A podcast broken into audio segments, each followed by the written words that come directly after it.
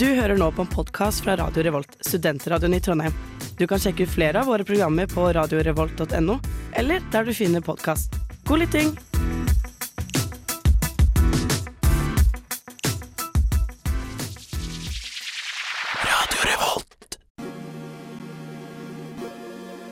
Det er farlig å gå alene. Her er det en ny episode av Nerdeprat.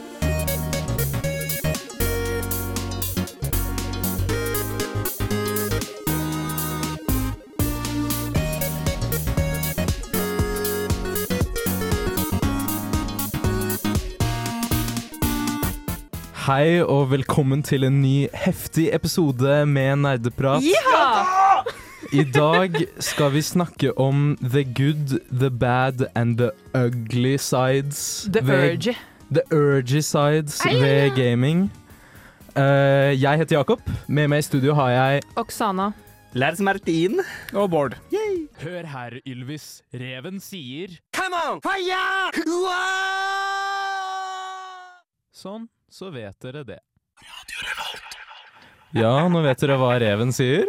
Uh, det er ikke sånn som i um, What does the fuck say? Nei. Uh, Nei. vi skal starte med en innsjekk. Velkommen Ja. tilbake til Nerdprat. Uh, vi starter med Miss Godlewski, Oh. Oksana. Ja, takk. Eh, Oksana, jeg, ja, altså, jeg har så viktige ting å si i dag.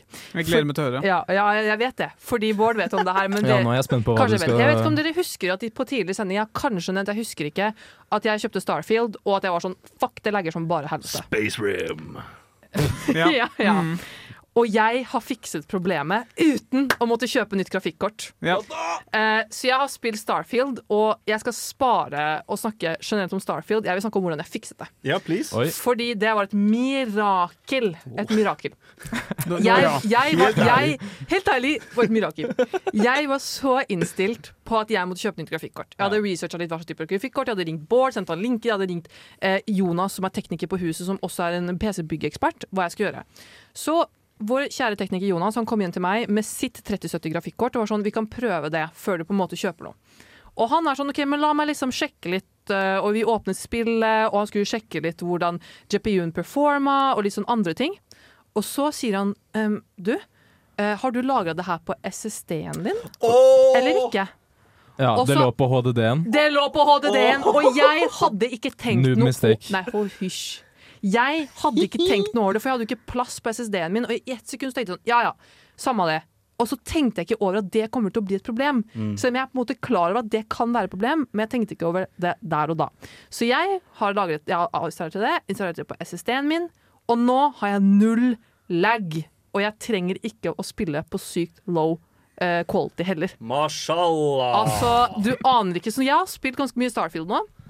Jeg tenker at etter hvert eh, skal dere høre en anmeldelse av det når jeg har spilt det sufficiently enough til å gi det en fair review. Så langt.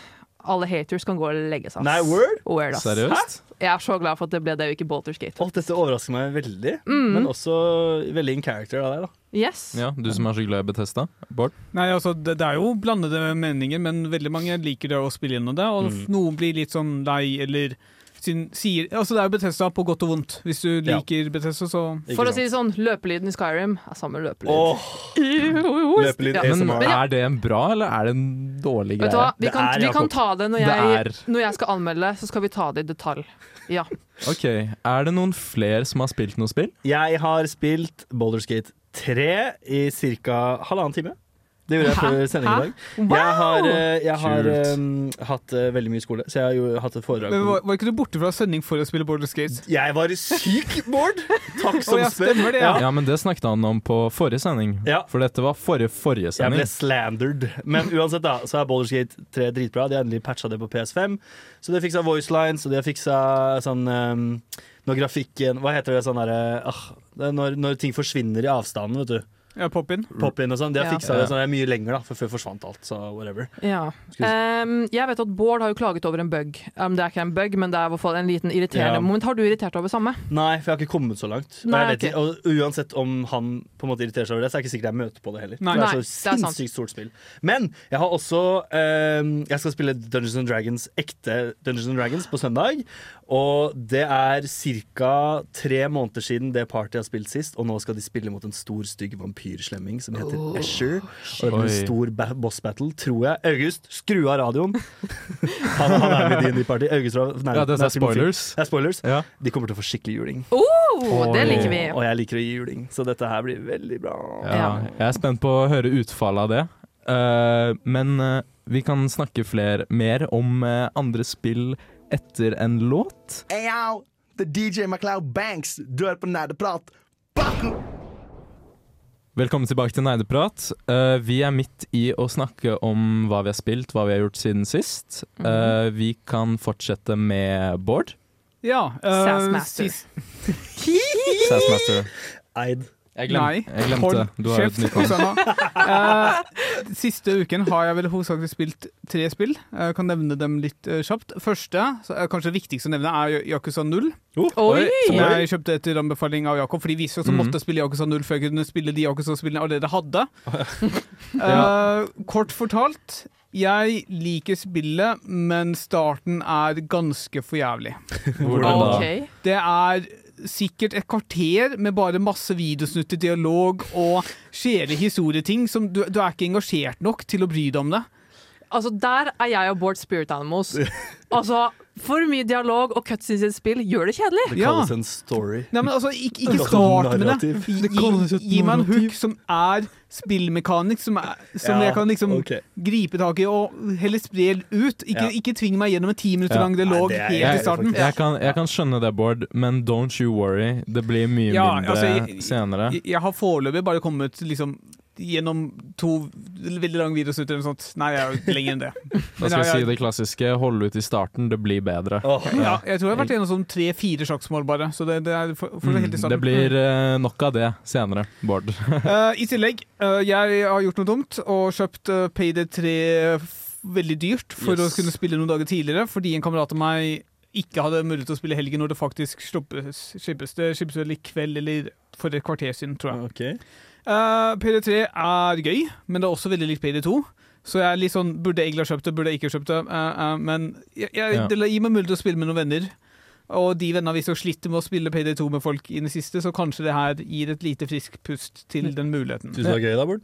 Det er gøy. Det er jo gøy. Ja. Men det er liksom sånn type betale mange hundre kroner for PD3, ny Før- Payday 3, eller kjøp alle banene til Payday 2 på salg og betale sånn Mm, uh, 40 kroner per bane eller sånt. ikke sant. Eh, Ikke ligner, ligner Payday på det derre um, uh, SWAT-team-spillet vi spilte sammen? N- Nei, ja, ikke, ja Nei, jo. Um, Ja, Litt- takk for litt- oppklaring. jeg, jeg, rekker ikke å forklare alt for deg nå, Oksana. Okay. Eh, jeg prøver å komme på hvilke Jo, og så har jeg også kjøpt Sekiro, og så begynt på Sekiro. Har det veldig gøy, men det er også veldig vanskelig. Jeg liker ikke at stealth skal være så utrolig vanskelig å spille, men det kommer seg nok sikkert til etter hvert. Ja. Eh, mer informasjon om det neste sending. Oh, Så du spiller veldig mange spill nå Ja. samtidig? Ja, Mm, så klart. Hva med deg, Jakob? Jeg har egentlig bare for det meste fortsatt på Disko Elysium. Oh. Uh, nå vet jeg hvordan det der check-systemet fungerer, som du spurte meg om. Eh, det finnes white checks og red checks. Mhm. Altså når du skal teste om du får til noe i spillet, om du får opp en lås eller whatever. Ja. ikke sant? Uh, red checks er, har ofte med samtale med en person du bare skal se én gang. Mm. Så de kan du bare prøve én gang. Ja. White checks kan du gjøre uh, så mange ganger du vil, men for å låse den opp for å gjøre det en ny gang, så må du oppgradere den staten. Så hvis det er en authority check, for eksempel, så må du oppgradere authorityen din, da. Ehm, så ja, nå vet jeg det. Og jeg digger spillet enda mer nå, fordi nå har jeg på en måte Jeg føler jeg har blitt litt vant til spillet, fordi spillet er veldig særegent Ja. Eh, fra alle andre spill. Så nå koser jeg meg veldig. Mm. Så Du bra. syns ikke det er for dialogtungt? Fordi det er liksom det- Min eneste bemerkning på Discolusion Ja. er det er veldig mye dialog. Det er, det er veldig mye dialog, og eh, jeg tviler på at eh, det blir noe mindre, egentlig. Fordi Nei. hele spillet handler om dialog, egentlig. Men, men det er, fordi jeg kunne av og til si at, si at denne dialogen er veldig bra, men det blir veldig mye av den. Så jeg Ja. sitter liksom og tenker bare Dialogene er veldig bra, men hvis du syns det blir kjedelig med mye dialog, så er kanskje Disco liksom ikke noe for deg. Fordi Nei. hele spillet handler jo om at du har alltid en foregående dialog med deg selv, med dine tanker, med dine følelser. Ja, jeg vet. Og så er du en politimann som eh, etterforsker en sak, og da må du gå rundt og eh, snakke med masse folk. Jeg vet. Er du fortsatt en gambler, eller? We, ja. Uh, jeg er blitt litt mindre gambler nå, fordi jeg har lyst til å bli ferdig med Disco Elysium snart. Sånn at jeg kan spille andre spill, for jeg har en del spill jeg har lyst til å spille nå. Jeg liker ikke å prate med folk. Nei, det vet vi, Oksana. Nerdenytt. Hei og velkommen tilbake til Neideprat. Jeg har en trist nyhet, og det er at denne jinglen er utdatert, eller deprecated, som man sier i programmeringsverdenen. Å nei. Eh, fordi det stikket er gjendøpet som uh, Bårdnytt. Ja! Ja! Fordi det er, det er Bård som kommer med nyhetene. Sånn er, sånn er det bare. Uh, Bård, hva har du å si? Bårdmann i felten. Bårdmann i felten. Reditor Bård, hva skjer på Nei da, jeg skal slutte. Ta takk, Oksana. Eh, det, det, det, det har ikke skjedd så veldig mye, men det, det som har skjedd, er veldig mye sånn uh, ting som har kommet utover Unity-ting som vi snakket om forrige uke. Fordi flere og flere utviklere har reagert på det, og de har sagt at vi vi skal bytte metallisk modell og sånne ting for å prøve å motarbeide denne endringen. Og nå har til og med Unity også gått ut og sagt at uh, vi, vi skal revurdere litt ting. Nice. Ja. Nice. Veldig bra. Det virker som det er liksom the way to go for uh, firmaer og selskaper som prøver på stygge ting, er å teste det, og så ser de backlash, og så er det sånn Å, nei, Men, men det, det er også, har også blitt rapportert at liksom ansatte hos Unity har sluttet, og, liksom, Oh. og har tidligere, altså før de sluttet, advart om at det her er ikke så veldig lurt. I protest, liksom? Eller eh, Om det har skjedd i protest, eller om det er fordi de har sett hvilken vei skuta er på vei, eh, hvilken retning skuta er på vei, det Jo. vet du ikke. kaster seg i livbåtene sine? Ja. Mm. Men eh, de har visstnok ja, kjempet mot endringene, og da tydeligvis ikke blitt hørt.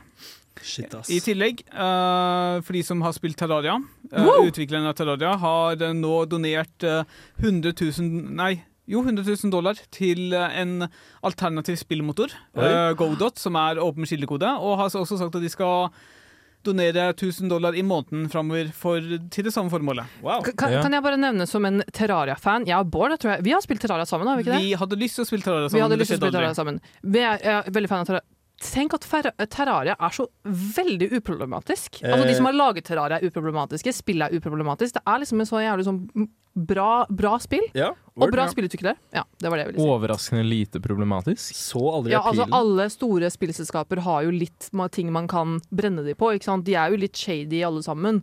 Ja. Men Terraria av en eller annen merkelig grunn er liksom bare sånn perfect people. Ja. Allegedly. Stemmer. Allegedly. Uh, Visstnok har Unity uh, sitt, eh, et av Unity sin kontor fått en dødstrussel og måtte derfor stenge. Og så ble det også rapportert om at den muligens kom innifra. Oi! Uh, What? Uh, oh, oh. Gamer rage på jobb. Intern Jeremy Amogus. going AWOL. Men uansett, eh, det er ikke sikkert vi kommer til å snakke så mye mer om det med det første, men, sånn, med det første, men det her Altså, tilliten til Unity er borte. Altså, det her kommer til å Ringvirkningene av dette her kommer til, til, til å merke lenge.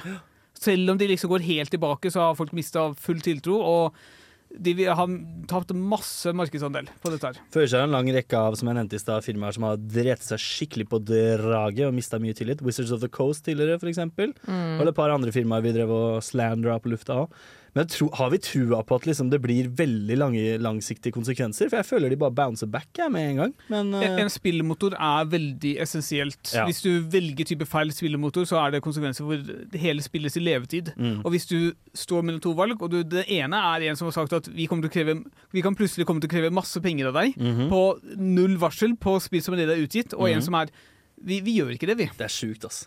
Det er så sjukt. Mm.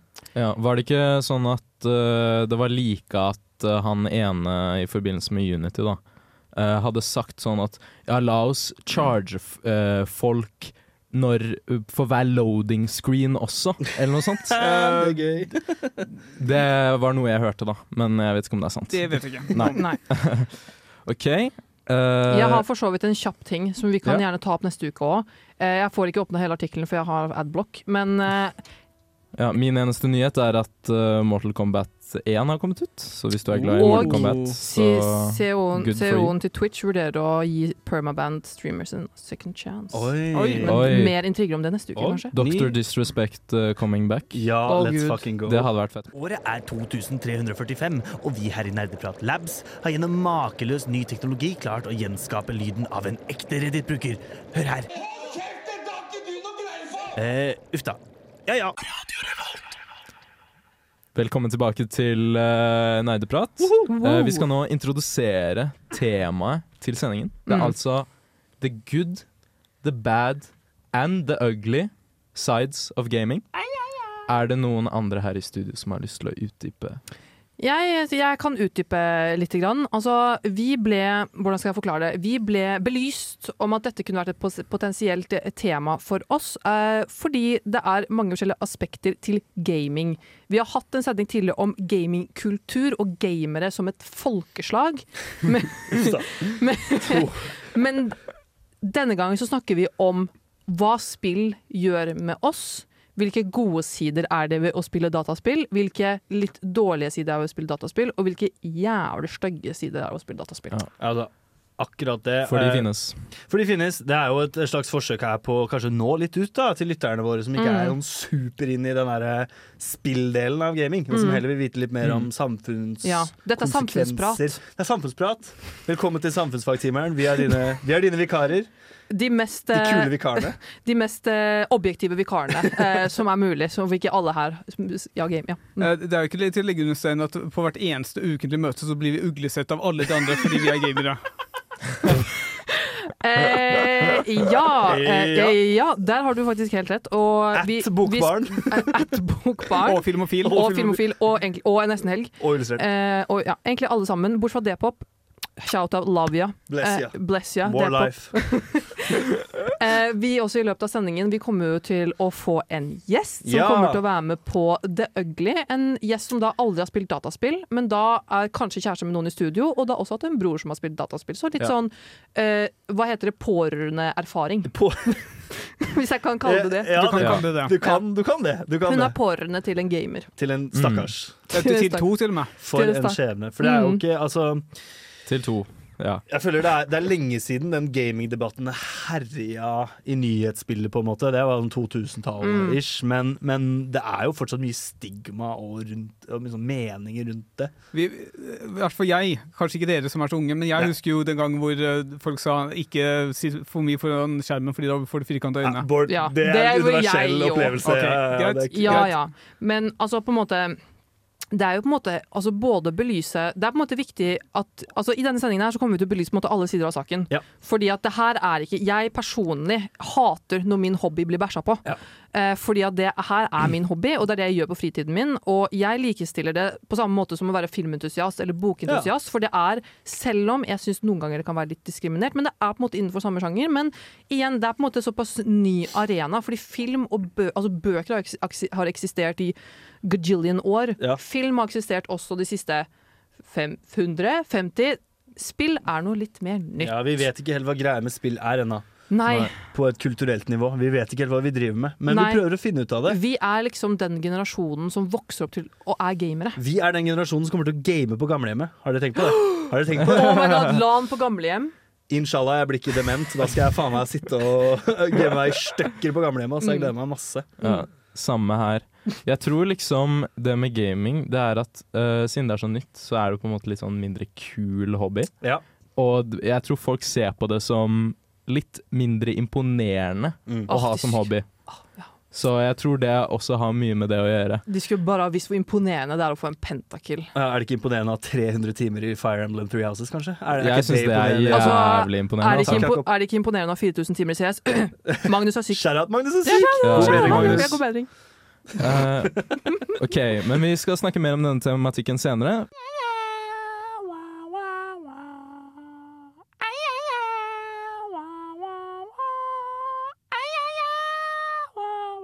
Det gode. Velkommen tilbake til Nerdeprat. Noen har vært uh, unattended i studio. Too long today, I hear. Det var en fantastisk lyd, det. Uh, fun fact, vi hørte Takk. faktisk en dobbellåt. Vi hørte uh, Iniesta Flow eh, av Names Bliss og Cruss. Og så hørte vi også før det Garachant av Trey Fortifier. Hell yeah, bro. Good shit. Eh, vi skal nå gå videre med vår tematikk, uh, som dere kanskje hørte. Mhm. Eh, vi skal snakke om det gode Ja. Med ja. gaming. La oss adressere elefanten i rommet her. Alle her liker gaming, ellers hadde vi ikke stått her. Ja. Ja. Mm. Vi digger gaming. ja. Hvorfor, eh, hvorfor liker vi gaming? Oh, Ta en runde på det. det er et kjempegodt spørsmål. Begynn med noen andre, ikke begynn med meg. Jeg kan begynne med meg selv. Ja. Uh, for jeg, jeg, har, vet, jeg er alltid forberedt. Uh, jeg liker gaming. Og det er på en måte, altså For meg har gaming alltid vært en sånn ting som man har vokst opp med. Så det er på en Mm. måte en interesse som har grodd. Men jeg syns gaming er Jeg er en sånn type person som på en måte kre... Altså Hvis en film er litt kjedelig, så syns jeg den er veldig kjedelig. Hvis en bok også er veldig kjedelig, litt kjedelig, så syns jeg også den er veldig kjedelig. Spill, så har du på en måte muligheten til å være med på hva enn spillet prøver å skape. Du på en måte får På en måte så kan du på en måte fordype deg i en realitet fordi livet er kjipt, og du vil bare være Dragonborn og bare leve livet. På Så klart Skyrim. Jarl Balgrof. Og på en annen side igjen, da, så kan du f.eks. utfordre deg selv med at sånn Jeg vil være god i disse håndfulle med spillene. Mm. Jeg vil kunne si at Vet du hva, den banen der på Mario Kart, den nailer jeg. Å ja. Eller denne maiden i league, den er jeg jævlig god på. For det er en form for Du får mestringsfølelse i det du gjør, for det er en øvingssak. Gaming er ikke noe Det snakket vi også for veldig lenge siden. Så husker jeg Håkon, rest in peace, han er ikke død, han er bare ikke med i Nærprat lenger. Eh, han snakket om at eh, en han kjente som han skulle lære å spille, skjønte ikke hvordan han klarte å da se på skjermen og ikke se på kontrollene samtidig. Oi, det er innøvd, da.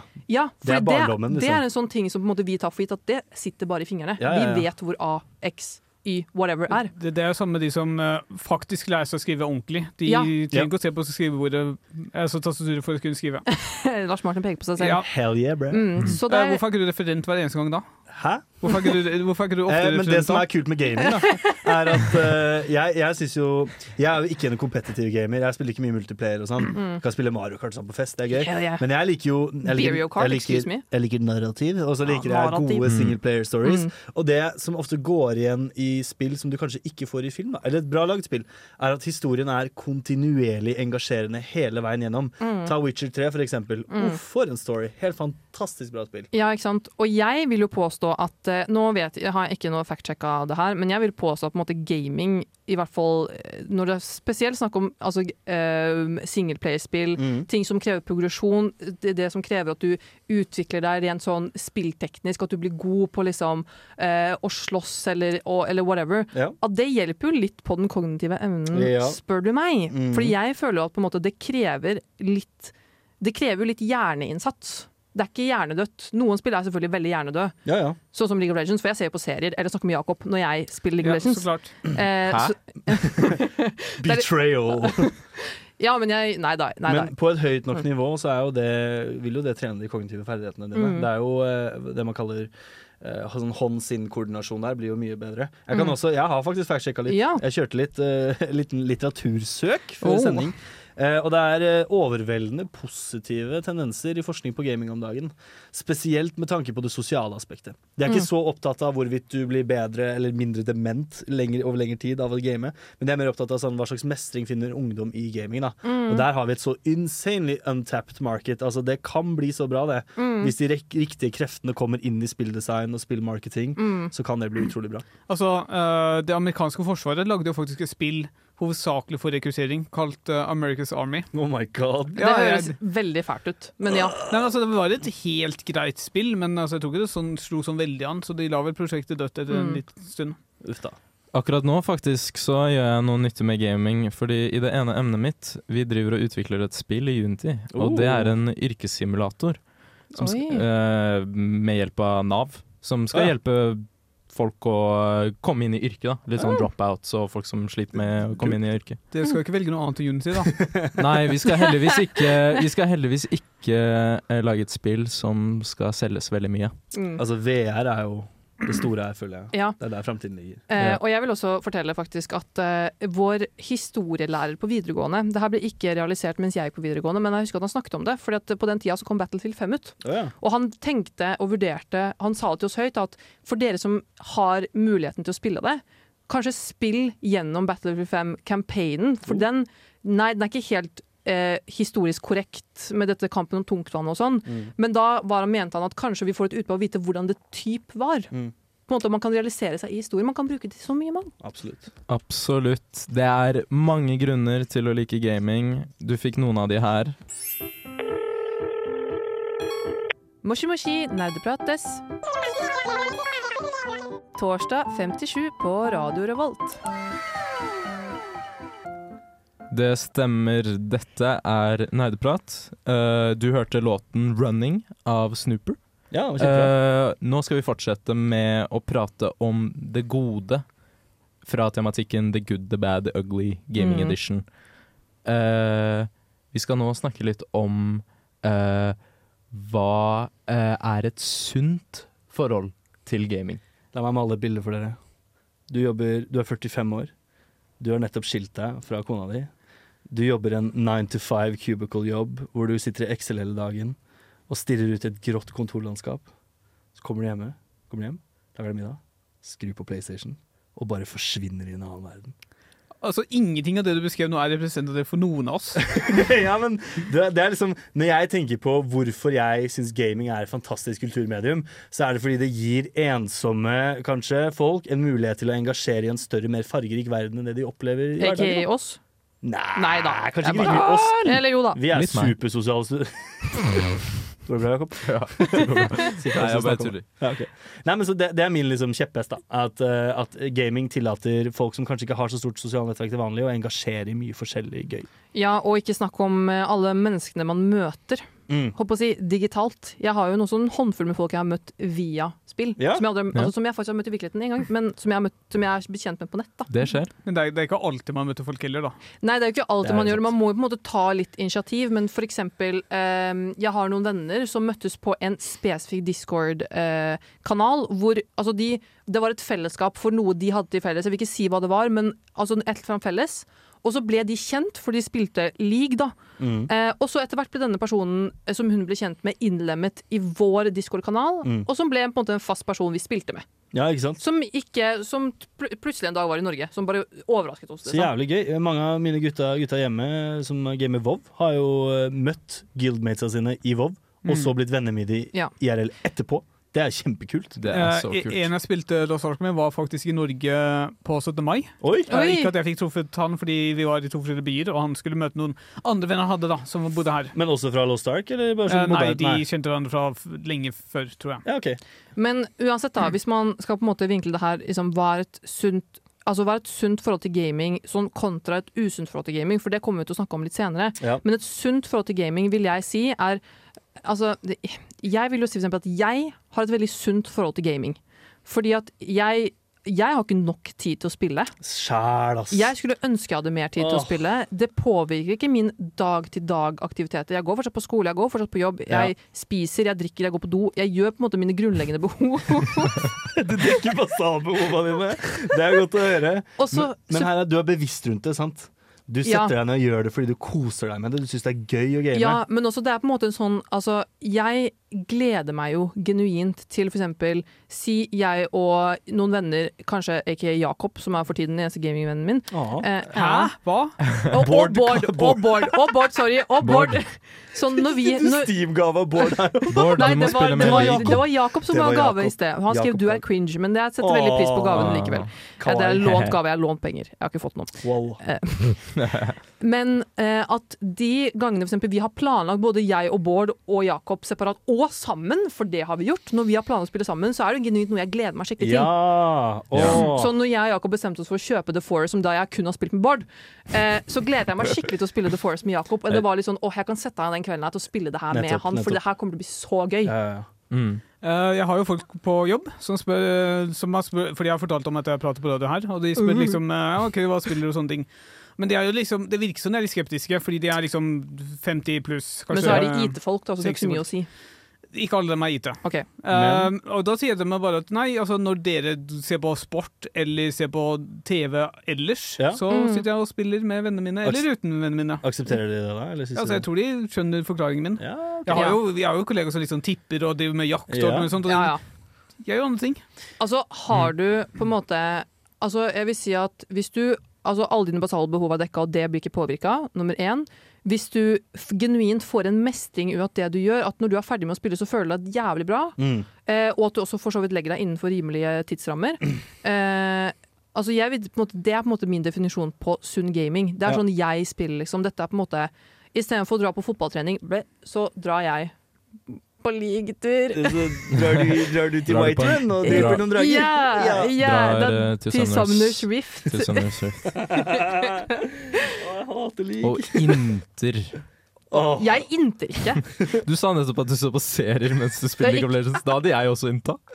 Nei da, men Eh, En annen ting som har vært en er jo at uh, relativt sett så vil jeg si at gaming er en ganske budsjettvennlig uh, hobby. Du, på, for prisen av en kinobillett så har du, kan du kjøpe spill Så har du en niendedel av et PS5-spill, for så vidt. Men ja. Ja, men du kan jo kjøpe dem på tilbud, du også. ja. Mm. Og så finnes det veldig, veldig, veldig mange gode indiespill. Det gjør det. Som er, på- mange er gratis, og mange er veldig, veldig billige. Og de varer kanskje liksom fem ganger så langt som kinobrett, eller kanskje ti ganger så langt, lenge som kinobrett. Og du kan bruke det på nytt og på nytt og på nytt. Du kan få Mm. nye achievements. Det er helt riktig. Hell yeah. Eh, vi er uh, Ja, vi er ferdig, ferdig med å prate om de gode tingene. Å nei! Nei! Dessverre. Det var derfor jeg ble så startled.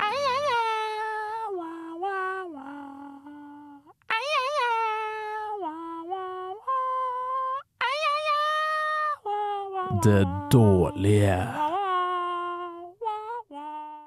Velkommen til Det dårlige. Den andre seksjonen i tematikken vår The good, the bad and the ugly gaming edition. Yay. Eh, du hørte Seaforth av King Cruel. Du hører fortsatt på Nerdeprat.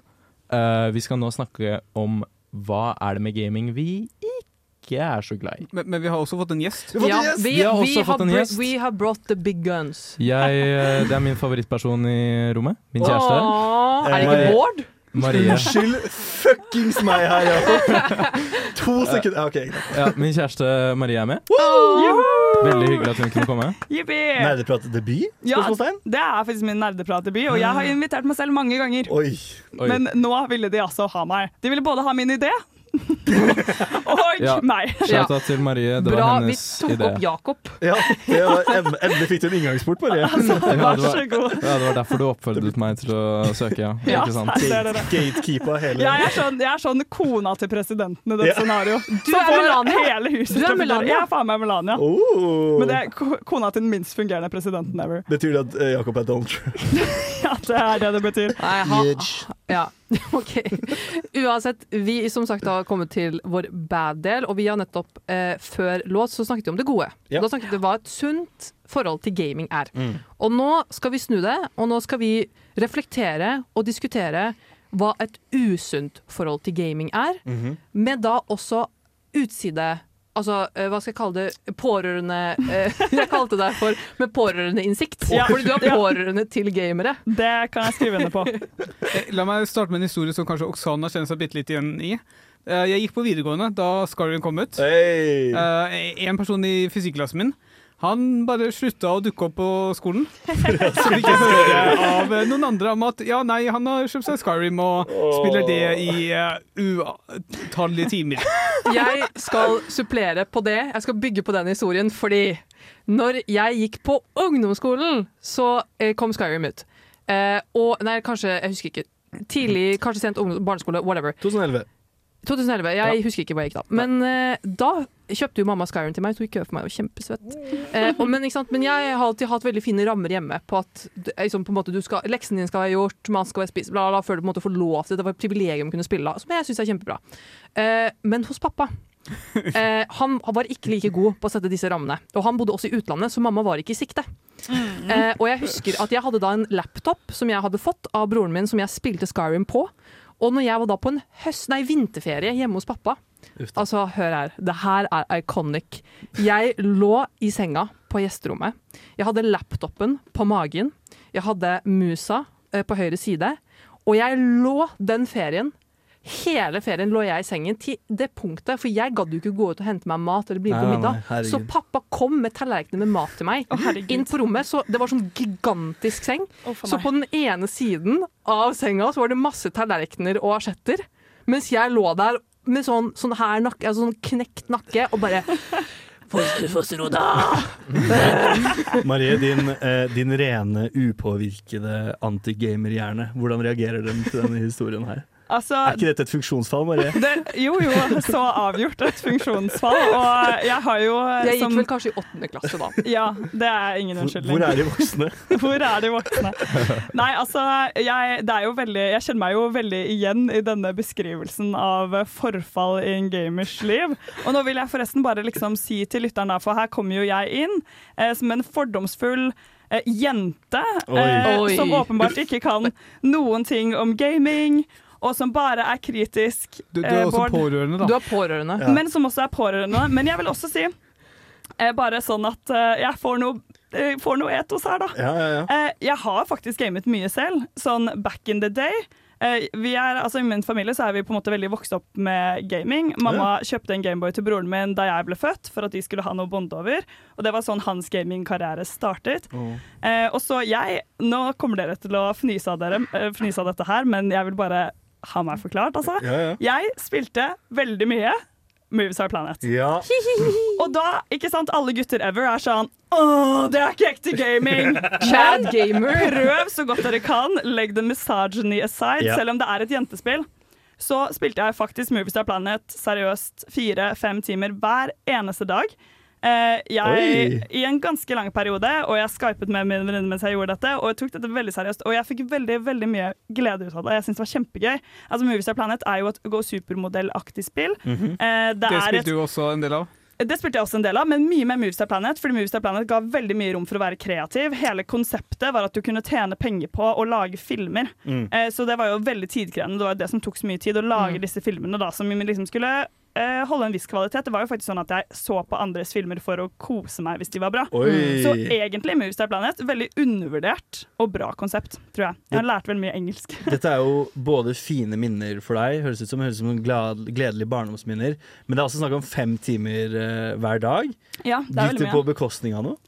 Altså, den, det var nok ikke en sånn veldig langvarig periode. Nei. Så det er jo kanskje det som gjør at jeg ikke vil si at det gikk på bekostning av så mange ting. Fordi det var jo sånn Det var jo sånn at jeg spilte de dagene jeg ikke hadde dans, og så var det en veldig fin måte å opprettholde kontakt med en venninne som bodde i Frankrike på den tiden. Ja, det. Eh, fordi hun eh, var et diplomatbarn og ikke sant. Ja. Eh, så sånn sett, på en måte, det var jo det var jo noe veldig veldig positivt. Det er Ja. også noe jeg tror gaming kan gjøre. At man opprettholder kontakt med venner som er rundt om i hele verden. Og gamere hadde nok mye lettere under korona, for eksempel, fordi man har den hobbyen. Og, så det er uh, ikke helt bare ugly i mine øyne heller, altså. Nei, Men så eh, du hadde et sunt forhold til gaming. jeg, jeg vil si jeg hadde det. Yes. Men uh, the slander kommer, altså. Det er bare vent. to get We, we about to talk about ugly. Men kult. Da vet vi litt mer om eh, gamer, eh, Marie. Eh, Gamersiden til Marie.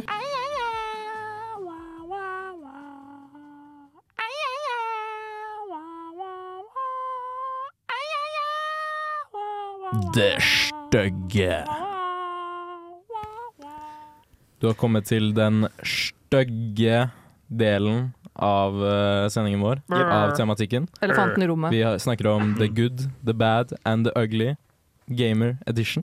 Mm. Og vi skal altså nå snakke om den stygge delen, som er kanskje den verste delen. Den liksom veldig seriøse delen. Ja. Skal vi skape Veldig Ja, bad del. for det er distinksjon. Very bad. Bad så var det sånn Å nei, Oksana lå i senga en uke Ja, og gama liksom- Buhu. Men nå er vi inne på det fæle The greiene. bad Liksom. er liksom Ja, nå begynner det å gå gærent. Ja. Og det øgle er bare sånn Nei, det her kan vi ikke ha noe av. Ja. Helt riktig. Og for å bare håper å si, holde den røde tråden gående, så vil jeg egentlig gjerne Jeg vil egentlig gjerne at vi starter med å snakke om på en måte det jeg vil si er toppen, verstingen, og det som også blir en diagnose til slutt. Ja. Som er spillavhengighet. I Ja. ICD-11, altså den nye diagnosemodalen som vi bruker i Europa, så er spillavhengighet faktisk blitt en sykdom. Blitt en Mm. diagnose. Tenk det. Mm. Og vi har jo faktisk to nestenpsykologer i studio. Faktisk Maria også Almost snart- there. Hell Almost yeah. there. OK, shrinkers. Ja. Ut ifra nå, skal jeg vet, nå stiller jeg deg litt spørsmål, okay. eh, som ikke-psykolog. Ja. Eh, vil dere si at Altså, har dere, har dere lært mye om dette på skolen? Nei. Nei. Nei. nei. Ikke i løpet vårt. Eh, det er fordi vi fortsatt bruker ICD-10 hovedsakelig. Ja, men, men også når det er sagt, eh, det vi har lært om spill og spillavhengighet, er jo veldig ofte veldig fargede studier eh, Mm. om spill og vold. Ja. Veldig. okay. Veldig sånn 2005-æra. Blir du voldelig av å spille vold? Ja. eh, Voldelig spill-greier. Kind of thing. Ikke sant? De diskusjonene som var rundt World of Warcraft og uh, Anders Behring Breivik og GTA. disse tingene her, er Mm. veldig Ja, Call of Duty, Yep. kanskje. No Russian. Ja. alt Altså- Og World of Warcraft òg. det skulle man ikke trodd, men Ja. yes. Nei, det skulle man ikke trodd. Mm. Eh, men da vil jeg faktisk supplere som en annen eh, helseperson. Eh, Ja. Vi har faktisk det i vår psykiske lidelser-bok, for vi har også litt psykiatri på sykepleien. Okay. Der er det et, eh, et eh, ti centimeters langt avsnitt om spillavhengighet. Ja. Ja. Og det er på en måte Dere må korrigere om det her er feil.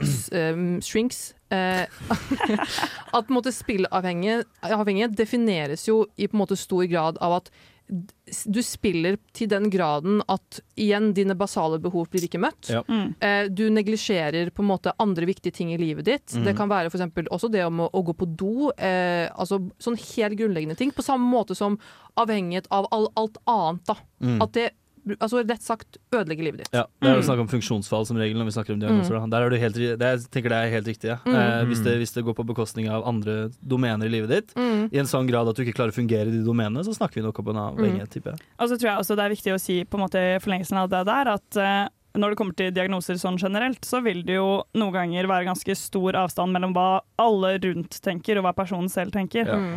Uh, og det er ikke dermed sagt at hvis man selv tenker at ja, men jeg har et helt uproblematisk forhold til gaming, selv om jeg gamer ti timer hver dag og ikke går på skolen eller spiser noe næringsrik mat, Mm. så er det ikke dermed sagt at du ikke har den diagnosen, selv om du ikke opplever det selv Nettopp. Mm. nødvendigvis. Fordi da vil det jo i så fall handle om å på en måte prøve å få denne personen til å forstå da, at Mm. de kanskje har begynt å utvikle et problematisk forhold til f.eks. gaming. Ja, og det som er, jeg tenker Du kan være 43 og jobbe i en 9 to 5-jobb, og så kan du komme hjem og game åtte timer. Hvis det er livet ditt, så trenger du ikke ha noen diagnose av den grunn. Ikke sant? Men det man er veldig opptatt av om dagen, da, og nå, jeg hater å dra det kortet her, men øh, vil ikke noen tenke på barna? ikke sant? Hvis En viktig del av barnas oppvekst er jo å engasjere i fysisk sport og få beveget seg, være ute, være sosialisere seg i ulike arenaer. Jeg sier ikke at man ikke sosialiserer seg i gaming, jeg bare sier at da mister du en del andre behov du skal Mm. ha da, som kid. Mm. Mm. Kaller man det også spillavhengighet hvis hjernen blir eh, avhengig av dopaminet man får av et eller annet Mm. spill? Det er jo et element av det, da. Ja, og det spørs, da spørs det veldig på spillet, selvfølgelig. Ja. Eh, fordi sånn spillavhengighet når det gjelder gambling og sånn, det har jo eksistert kjempelenge. Mm. Og det Mm, har ja. jo også for så vidt vært en diagnose, tror jeg. Ja, det har vært en diagnose veldig lenge. Ja, Mm. Mens videospillavhengighet er jo det nyeste, hippeste, hoppste. Da. Sånn Det er det hippeste Den hippe nye diagnosen. Ja. Everybody wants it! Everybody, no. Altså, det som på en måte egentlig er mer påfallende, tenker jeg, er at sånn, den diagnosen kom nå. Det Ja. er veldig veldig sent, og Ja. det tar jo ekstremt lang tid å eh, endre på diagnosemanualer og sånne type ting. Vi har jo ikke, som Lars Martin sa, implementert ICD-11 heller i Norge. Mm. Eh, så jeg tenker nok egentlig sånn, det mest relevante sånn, for vår del er jo egentlig ikke diagnosen i seg selv, Nei. Mm. men anerkjennelsen av at det uavhengig om det er en diagnose eller ikke, kan bli et veldig problem yep. for den det gjelder, og også folk rundt, da, Mm. Ja, absolutt.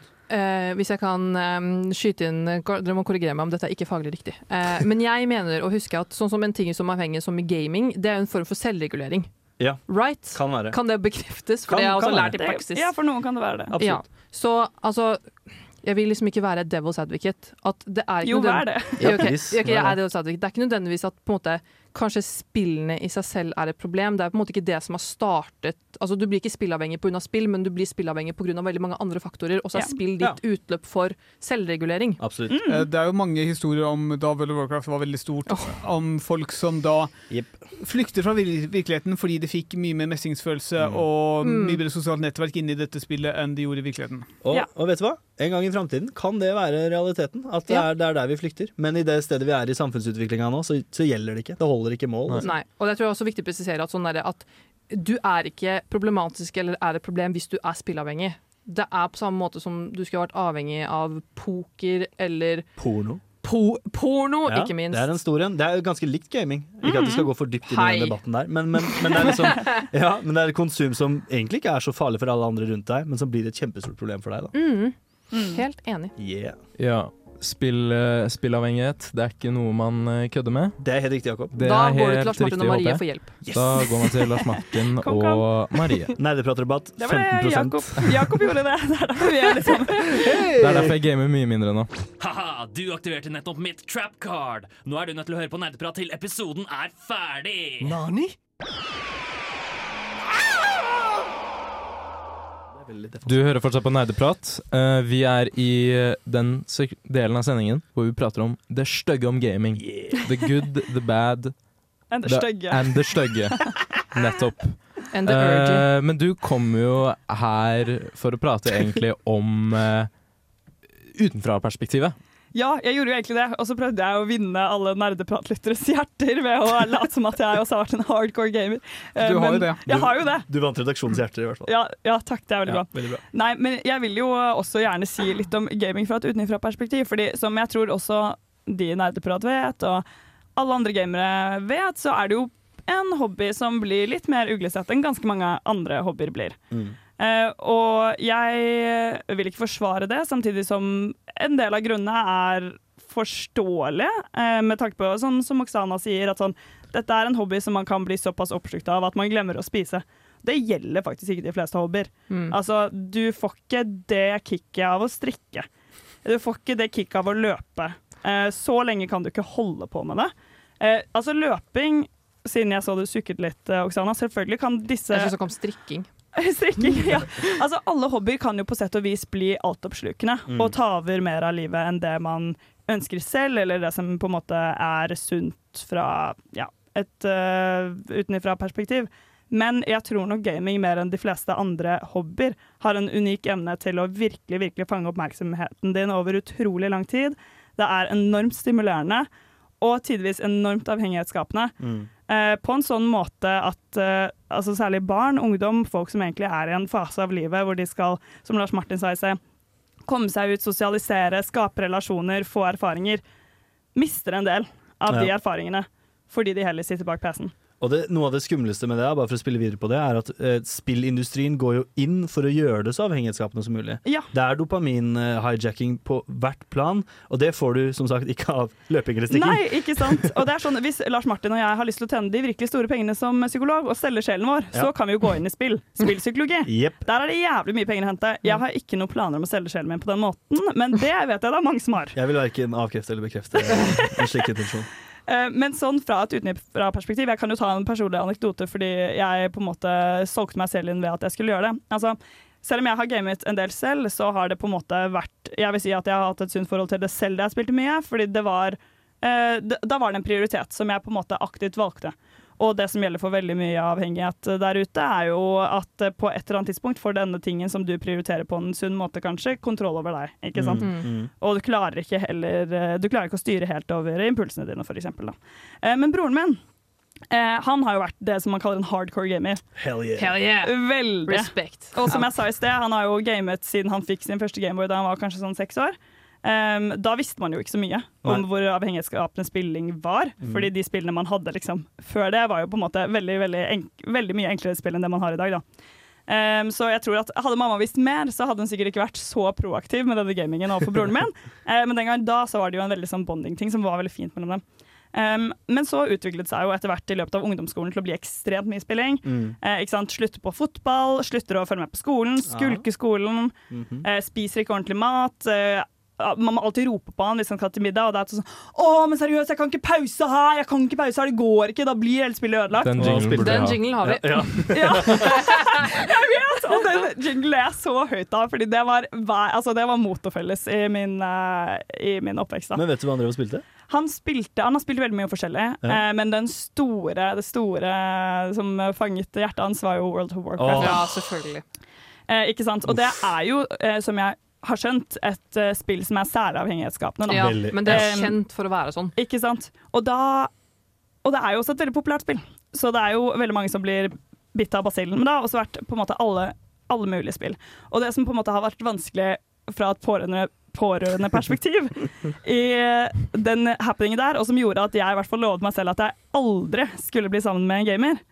Oi, oi, oi. Og vi ser jo hvordan det gikk. Jeg blir jo sammen med en gamer, men han har jo et ganske annerledes forhold til spilling. Men det er jo det at sånn, jeg så jo ikke broren min. Nei. I løpet av kanskje en åtteårsperiode Ikke sant. eh, så satt han veldig veldig mye bak skjermen, og han skjønte nok ikke selv på en måte rekkevidden av problemet. Mm. Og så tror jeg du har helt rett i, Oksana, av at for hans del var det sikkert eh, en del av det en virkelighetsflukt, Mm. ikke sant? At det handlet ikke bare om gamingen. Gamingen er på en måte mer symptomer på kanskje et større underliggende problem. Mm. Eh, Men det er også en virkelighet som det er ganske lett å flykte inn i. Det er et ganske lett sted å gå eh, for folk når de på en måte ikke vil takle ting her og nå, Mm. liksom aktiviteten. Mm. Um, på samme måte som rus kan være det, som Ja. jeg tror kan bli enormt destruktiv. Da. Mm. Og særlig når spilling og sånn veldig ofte er noe som barn blir eh, eksponert for. Og da har man det gjort, da. Ja. Jeg er veldig enig. Jeg vil bare skyte inn kjapt at strikking har blitt en pandemi. Ja, men det har det faktisk Vet du hva? Var var du det det du tok Ja, ja, det var det det jeg du tok over. Marie? Fordi Oh den strikkelyden er i hver eneste forelesning Ja, for er 90 av studentene, og jeg syns det er dritirriterende. Ja, men det er ikke innafor å strikke Det overalt. er Det må ikke det. folk Vi hadde foreleser som måtte si ifra Ja. at nå er det nok. Jeg er helt enig. Nå er det nok! Helt enig. Det er ikke Du lov til å har strikke nå mer. hørt uh, utenfra perspektivet til Marie. En ikke så stor gamer, Takk, Marie. Uh, men ganske stor gamer. Pårørende og day, back in day. Pårørende. Dagens sending av Nerdeprat er sponset av Raid Shadow Le... Ouch! Unnskyld! Unnskyld! Uh, I wish jeg kunne ønske vi var sponset av Raid. Shadow Legends. Raid Shadow. Legends.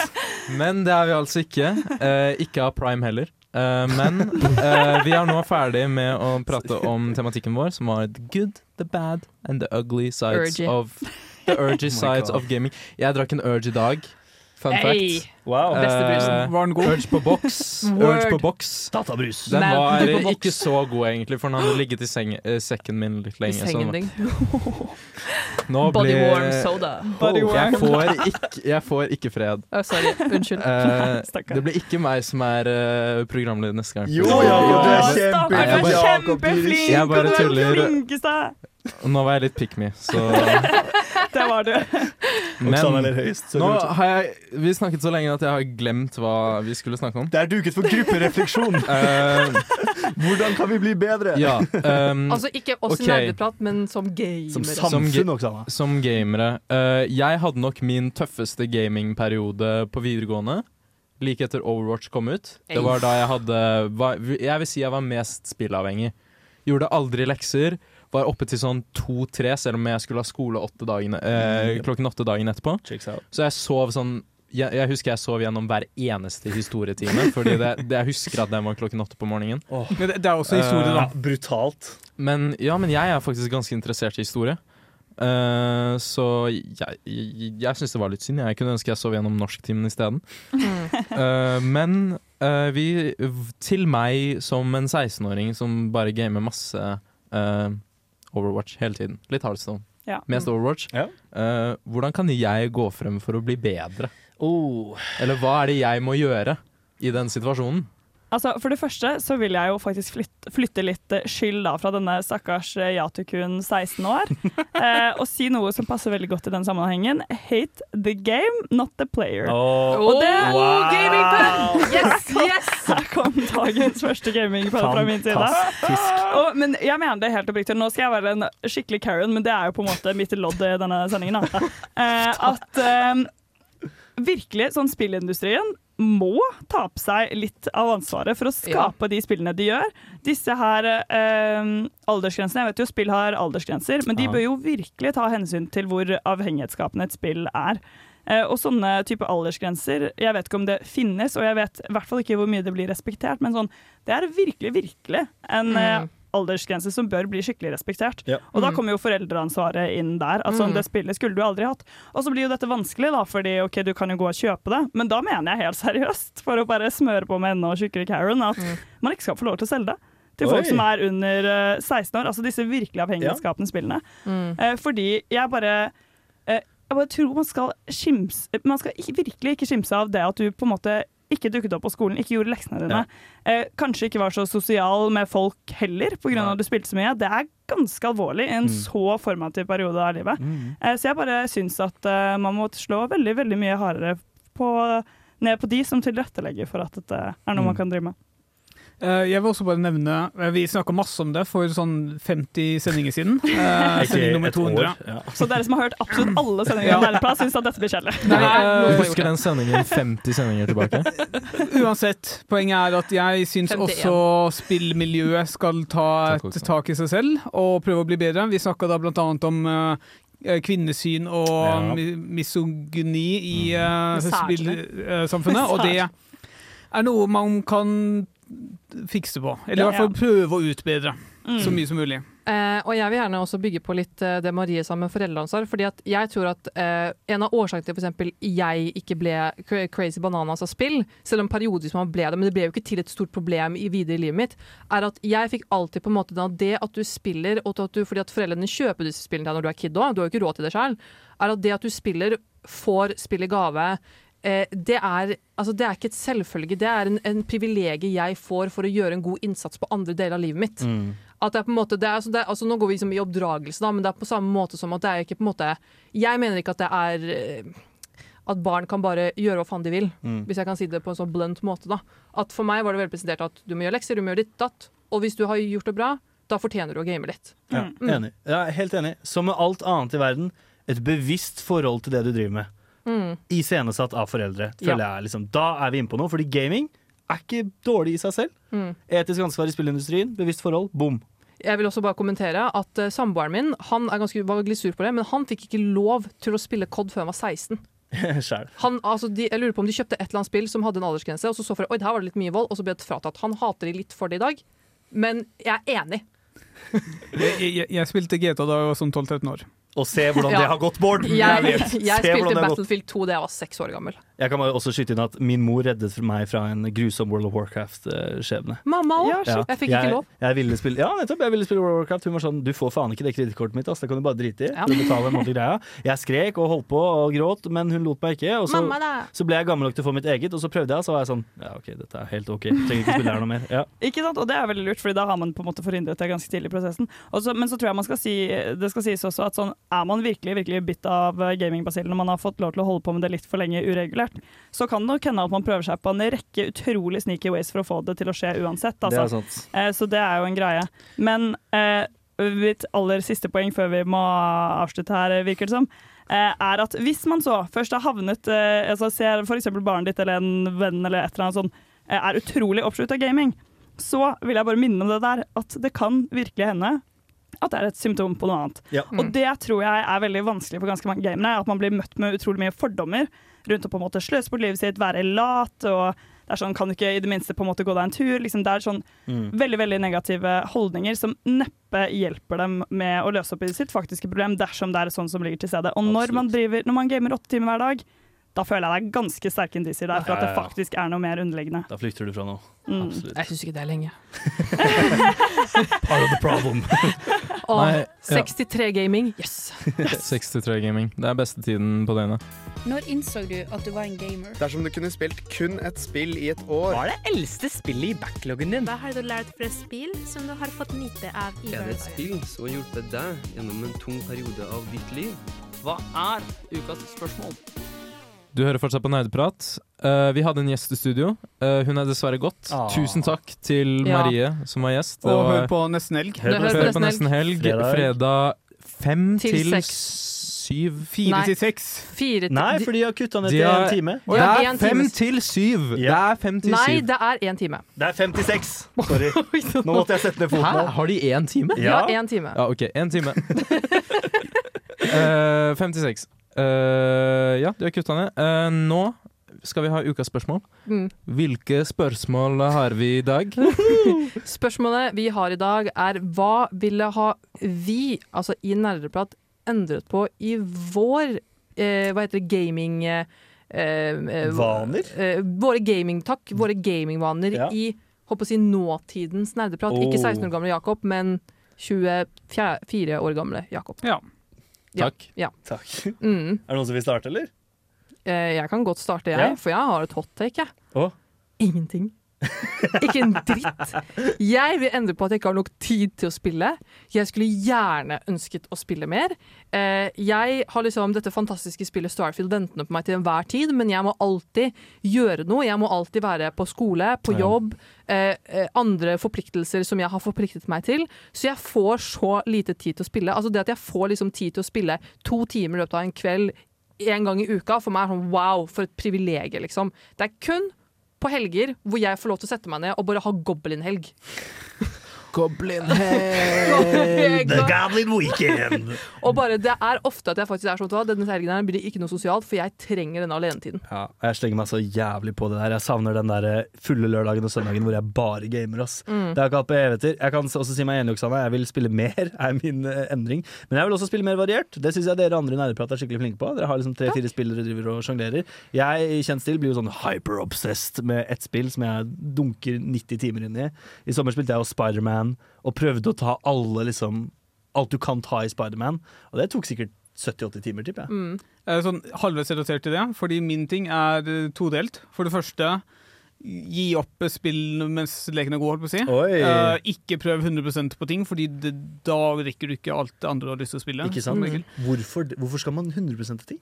Uh, det er en eller annen eh, dopamingreie, et Ja, eller annet sånt. kanskje. Eh, men Ja, ja. For, for min egen del også, fordi eh, siste året, halvannet år, eller sånt, så har jeg til tider måtte prioritere, altså velge mellom å spille med venner hjemme eller å være ute med venner her i Trondheim. Og jeg tror jeg kan bli bedre på å balansere det. Ja. Ja. Fordi det føler jeg ikke har vært så veldig flink på hittil. Ja. Hva med deg, okay. Jakob? Uh, Det virker som jeg er den ene som kommer til å fortelle om faktisk sånn uh, Hva er det liksom problemet mitt med gaming er? Ok, I know, Um, okay, know. For jeg, jeg har alltid sånn en dag i uka hvor jeg ikke drar på skolen, ikke gjør noe skole, bare sitter og gamer hele dagen. Å, det høres dritdigg ut. Noen, noen også jobb, Jakob? Uh, nest, nest, nesten en hel dag, da. Sånn en halv dag eh, hvor jeg ikke har noen planer. Jeg kan gjøre skole, men jeg må ikke uh, Ja, jeg vil bare Altså, jeg vil også bare påpeke at det her er din hobby. Ja. Det å sette av en dag i uka, og det påvirker ikke deg så noe særlig. Du er fortsatt eh, clean og Ja. matet. Men, ok, hvis jeg skal si Problemet mitt er det med prioritering. Det er situasjoner som oppstår om og om igjen, hvor jeg burde vaske klær, jeg burde lage meg middag nå, Mm.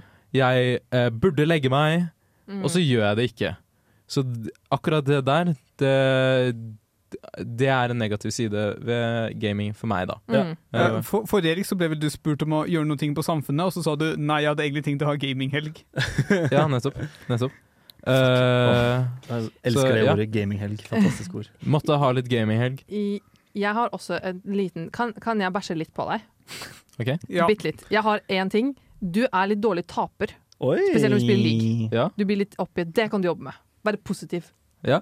Like positiv som Oksana. Ja! Men eh, hvis, man må være litt dårlig taper, Fordi hvis ikke så blir man ikke best. Uh, Helt etter, riktig, min, etter min mening. Helt riktig. Etter min mening. Så jeg kan, eh, jeg kan dempe den litt, ja. Det, det kan jeg være Eller bare enig i. slutte å tape.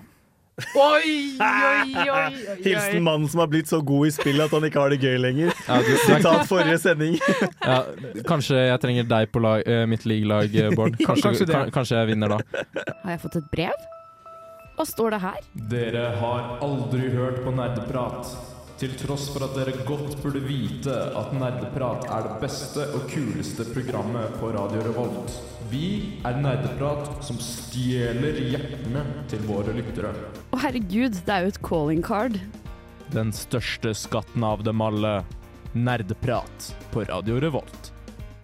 Wow, wow, wow, wow! Au! Det, det stemmer. Vi er den største skatten av dem alle. Hell yeah. Hell yeah. Og det er noen i Nerdeprat som har fått et lite calling card. Eh, mer spesifikt et calling card fra 40 av Nerdeprat, vil jeg si. Basically, ja. Uh, jeg og Lars Martin er jo kjempeglad i eh, Persona 5. Ja, hallo, hallo, jeg er jo det, jeg også. I'm still Er here, you know. Ja, jeg, jeg, jeg spilte gjennom uh, til Tempel nummer to eller sånn før det forsvant ut i intet, og jeg har alltid hatt planer om å plukke det opp igjen. Likte du veien eh, hit? Ja, ja, jeg, altså, jeg elsker det, og jeg elsker også serien den kom ut av. Ja, nettopp. Ok, da sier jeg 50 av Nerdeprat. Så 10 av Bård. Eller nei, det blir ikke riktig matematikk. Samme det. Eh, noen i Nerdeprat har fått et calling card. I hvert fall Oksana. Yeah. Oksana har fått et calling card, i hvert fall. Magnus okay. også. Hei, Magnus. Hei, Magnus. Uh, om å spille gjennom Persona 5. Ja! Og planen er da at vi alle skal spille det sammen Kjempegøy. i samme tempo, parallelt, OK. de neste månedene. 100 ukene. Kan jeg si noe? Nubelicious. Ja. Eh, jeg har jo hørt folk snakke om Persona 5 i ett og et halvt år. Eh, men jeg har helt ærlig aldri på en måte Jeg har aldri søkt opp, jeg har aldri visst hva det går i, jeg har aldri tenkt noe over det. Og så, Jeg er liksom person som er et sted veldig lenge, og så åtte timer senere sjekker jeg chat, og så er det 100 uleste meldinger, og så er jeg bare tagget 'Du må kjøpe Persona 5'. Ja. Og jeg aner ikke hva konteksten er, jeg gidder ikke å lese med alle disse meldingene, så jeg sier 'jeg har ikke råd', og så sier eh, Jakob 'du kan låne penger av meg', og så får jeg det i gave på Steam. Eh, veldig hyggelig, tusen takk. Eh, men jeg var under inntrykk av at dette var et multiplayer-spill. Kan jeg bare skyte inn at det er beyond heaven and earth av min eh, forståelse av verden at du aldri har spilt Persona 5? For det, det treffer deg på Det alle mulige treffer måter. deg så det er weeby, det er slice Ja, men of life, hør, hør, det er school hør, hør, romance. Hør, hør. Det er JRPG. Right? Det er turbasert. Det er turbasert. JRPG. Men jeg, jeg har aldri vært noe særlig fan av JRPG Men, men, per, jeg skjønner hvis du ikke liker Persona 3, ikke liker Persona jeg har ikke 4. spilt noe Persona. Fordi det er veldig tradisjonelt JRPG. Battlesystem. Men de gjør mange vrier i det nye spillet som gjør det mye bedre. Det er mye Og- mer streamlina. Ja, og mye mer at jeg for så vidt også ikke liker turbasert combat heller. Men, det, men ok, for, for å adressere det, fordi uh, det er turbasert, ja, men det er så fortgående at det er liksom ikke den der standard stopp-start, stopp-start. Det er ikke sånn som Final Fantasy 10. Nei, det er sånn Nei. fluid motion, på en måte. Nei, det er ikke som Final Fantasy 10. Og ja, det er noen battles som tar lang tid osv., men det er så mange flere aspekter Ja. ved battle. Du kan eh, kommunisere med fienden og få dem på laget ditt. Det er så mange forskjellige Utrolig mange forskjellige angrep, Mm. utrolig mange kombinasjoner. Board. Eh, Men for å svare på spørsmålet ditt, nei, det er ikke flerspillerspill. Vi Nei. skal spille det separat hver for oss. Fordi det å samle fem stykker for å spille Persona 5 sammen uh, gjennom hele, det er utenkelig. Så Det er faktisk for ambisiøst. vi spiller det hver for oss, hjemme hos oss. uh, noen timer i uka. Hvor mange det blir, får vi se Ja. på. Og så tar vi en sjekk inn her hver måned. Ok. Noen, hver noen uker. Så det var det som var planen. Men så Mm. går da spillet liksom at du går eh, Altså det går stegvis. At du går fra A til B. Ja. Og så A til B. Ja. A til B. Det er som templer i Zelda, bare i de gamle Zelda-spillene. Er det lineært? Ja. Ish. Ja. Jeg må si noe, fordi vi må jo finne ut av jo, hvor er, langt er det vi skal spille. Hva, Mm. hva er liksom Vi må jo spille det ferdig. Uh, ja, vi skal spille ferdig til slutt, men til neste gang vi prater om dette. Jeg tror vi kan finne ut det neste, til neste gang vi prater om det. Ja, Å ja, fordi jeg hadde fått en idé om hvor det kunne være. Ok, si det. Uh, for å ikke spoile noe, så er kodeordet, eller kodesetningen, når du får panteren. Ja. Okay. Når du får panteren på laget ditt, Da- de, da, da stopper du. Da, Helt riktig. Da, da eh, stopper vi. Venter til alle har kommet hit. Og så prater vi om det på nytt og snakker om hva vi syns har spillet så langt, osv., osv. på en annen sending. Og noen i nerdeprat har en tilbøyelighet av og til til å skippe cutscenes. Det er, det er lov, men ikke anbefalt. Men ikke anbefalt. Så jeg kan ikke skippe alt? Du Du kan skippe kan det. noe. Det er til og med en fast forward function, hvor du kan uh, kjappe deg litt gjennom noen. Men, men førstegangsopplevelsen av Persona 5 er Don't. intenst bra. Altså. Ja, ikke skipp. Det er så gøy. Men vi burde kanskje også si at Oksana kan når som helst bare gi seg og slutte å være med. Dette er Nei, en bindende nå blodpakt. Altså Det står 'du er cringe' i gaven min, så nå må jeg committe. Mitt navn er Bare Egil. Du hører på radio Revolt på internettmaskinen din. Ja, og jeg gamer også masse på min internettmaskin. Jeg òg. Jeg òg. Du òg. Ja, Eller, jeg gjør, gjør, ja, PlayStation 5 er teknisk sett en internettmaskin. det Det er en PlayStation 5. internettmaskin. Er- Vi har snakket om the good, the bad and the ugly sides of Urgy. Urgy sides of gaming. Shout out to Urge. Og shout- Og, og shout out til Marie. Ja, takk Shout til Marie. Tusen takk, Marie, for Takk, at du Marie. kunne være gjest. og, Og, ga... til Magnus, som ikke er der. Ja, man har syk. God bedring. God bedring, Magnus. Marie ga oss masse eh, kule tanker, perspektiver Mm. osv. Tusen takk. Eh, Og hun, hun var Altså, jeg kategoriserer henne som gamer da hun spilte. ja. Marie er en gamergirl. Hun er en gamer girl. Og, og takk til deg, eh, Jakob, som programleder. Veldig bra, ja, tusen takk. Takk til deg, Bård, på teknikken. Takk til eh, resten av folka i studio. Takk til meg. Miss, uh, Miss uh, Godlewski Yeah. og uh, LM. Takk. UG LM. Ham, The Hammer. The Hammer. The Hammer. Vi skal høre låten 'Livredd' Rosa, av Rosa Faenskap. Eh, tusen takk for at du lyttet på. Ha det bra! Ha det! Ha det! Du har lyttet til en podkast på Radio Revolt, studentradioen i Trondheim. Sjekk ut flere programmer på radiorevolt.no.